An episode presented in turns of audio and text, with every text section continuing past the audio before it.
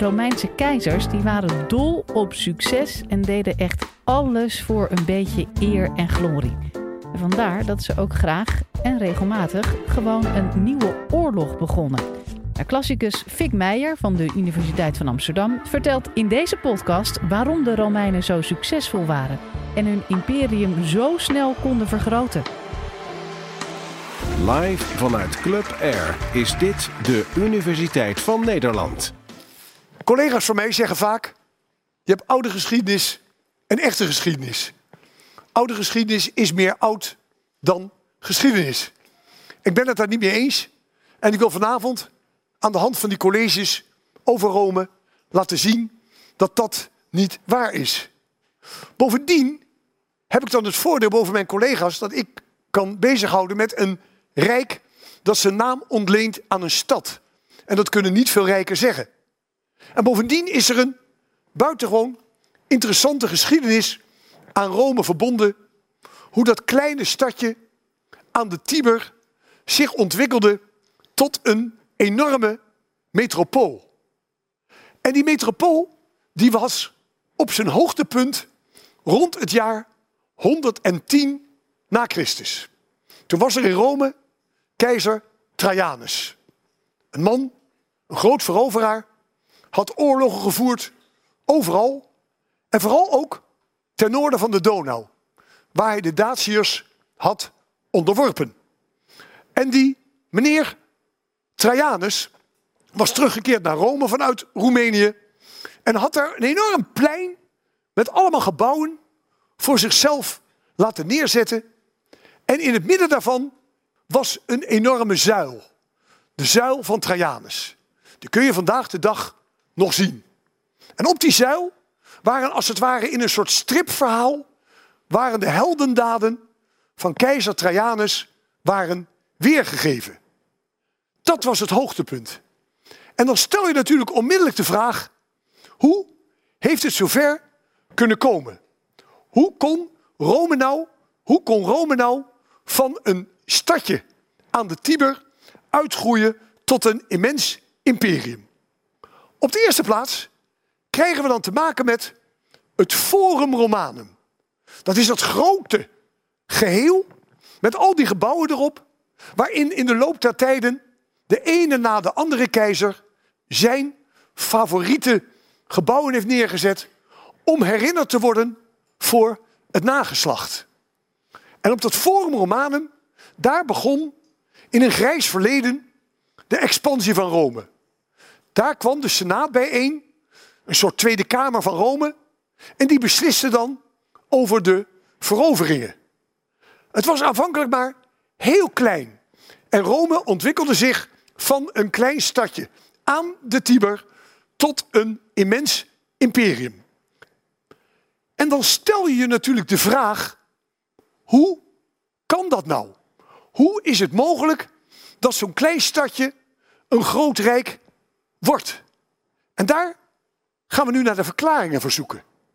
Als we alleen maar zouden geloven wat de geschiedschrijver Livius zegt, die in de eerste eeuw voor Christus leefde, dan zouden we alleen maar denken, Rome wordt groot omdat de stad opkomt voor de bondgenoten en die bondgenoten belonen de Romeinen dan met gezag.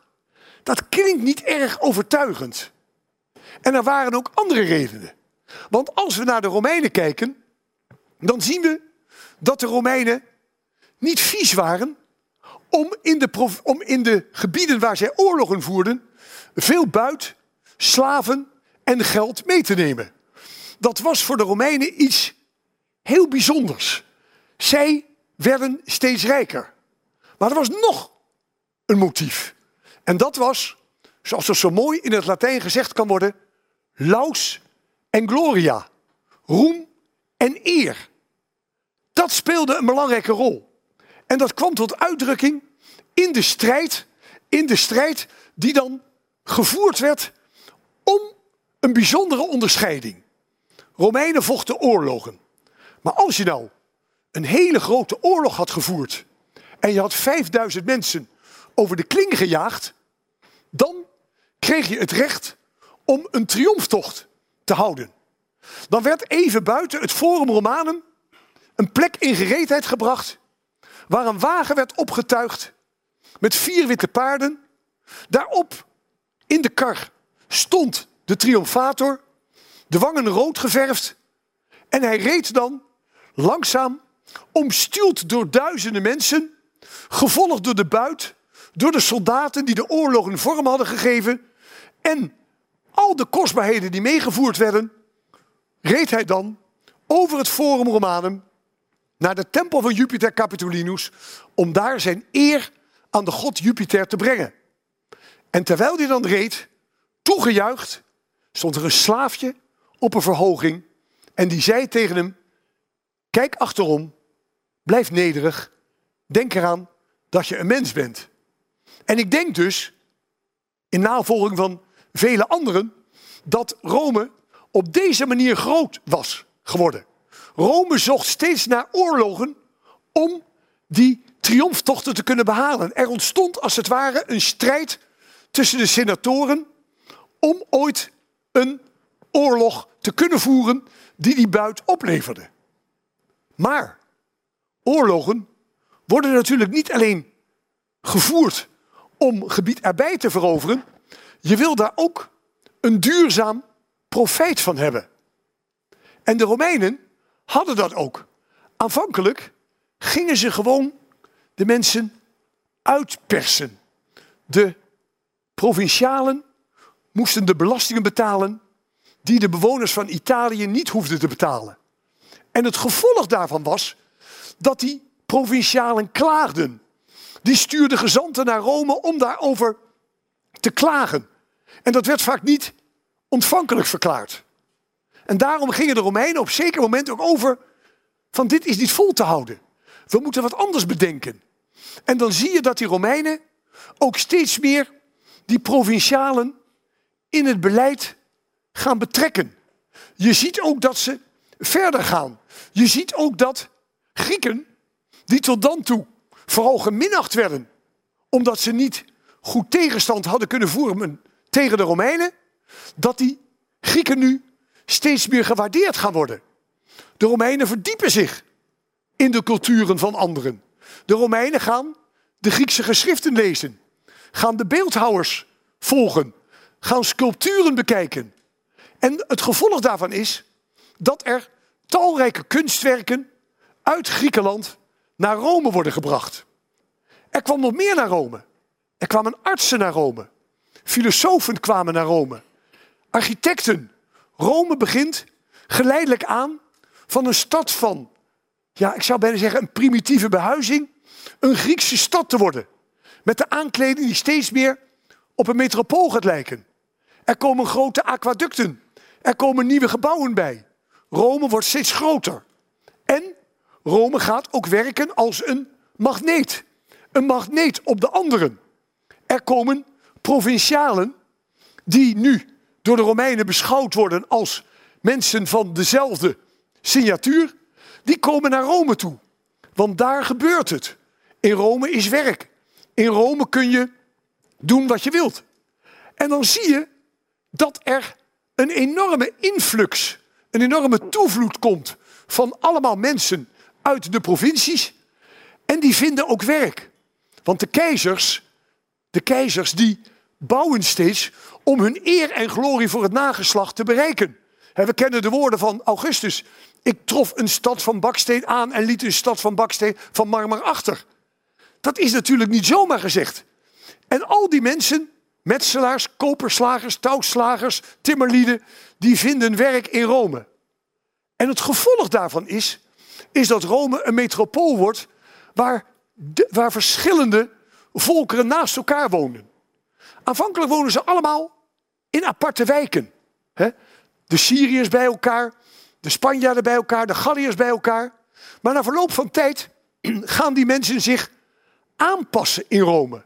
Zij gaan ook buiten hun eigen wijken treden. Syriërs gaan om met Spanjaarden, Spanjaarden gaan om met Galliërs, Galliërs gaan op met anderen. De enigen die eigenlijk apart blijven wonen zijn eigenlijk de Joden die in Trastevere hun eigen God beleiden. Want de andere goden, die gaan de Romeinse goden beleiden. die gaan goden aanbidden die ook de Romeinen aanbidden. Hadden ze eigenlijk altijd al. En ze namen ook nieuwe goden mee. De Egyptenaren nemen mee Serapis, de godin van de overvloed. Ze namen mee Isis, een machtige godin. Ze namen mee, ze namen mee Apis, de stiergod. Rome liet dat toe, want Rome was een polytheïstische samenleving. Een samenleving waarin veel goden waren. En zolang al die goden invoegbaar waren in het Romeinse systeem, zolang vonden de mensen het allemaal goed. Rome was een, in dat opzicht een redelijk tolerante samenleving. Hoewel er altijd oer-Romeinen waren die zeiden: Ja, wat jammer dat al die vreemdelingen er komen, want Rome is onze stad en niet hun stad. Maar dat was een kleine minderheid. Pas toen de christenen kwamen, toen veranderde het beeld in zoverre dat toen er een soort religieuze verwarring kwam. De Joden hadden één God, maar die werd vooral aanbeden in eigen kring. De christenen gingen, als het ware, vroeten in die polytheïstische samenleving en probeerden mensen van die Grieks-Romeinse goden af te krijgen. En dat betekent dat er een nieuwe periode in die Romeinse samenleving ontstond. Ik hoop dat ik jullie in dit college heb laten zien dat Rome een opgang beleefde. Van een heel klein stadje aan de Tiber tot een metropool. Dat dat gepaard gegaan is met veel geweld. Soldaten, dienstplichtigen, deden dat graag voor Rome. Want de glorie van Rome straalde ook op hen af. Maar na verloop van tijd zagen die Romeinen dat dit toch niet de echte oplossing was. De echte oplossing voor een rijk was meer een samengaan.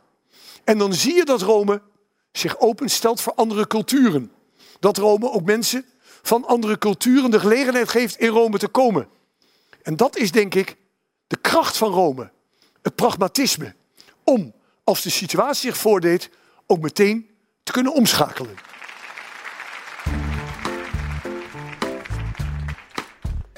Wil je nou meer afleveringen van de Universiteit van Nederland horen?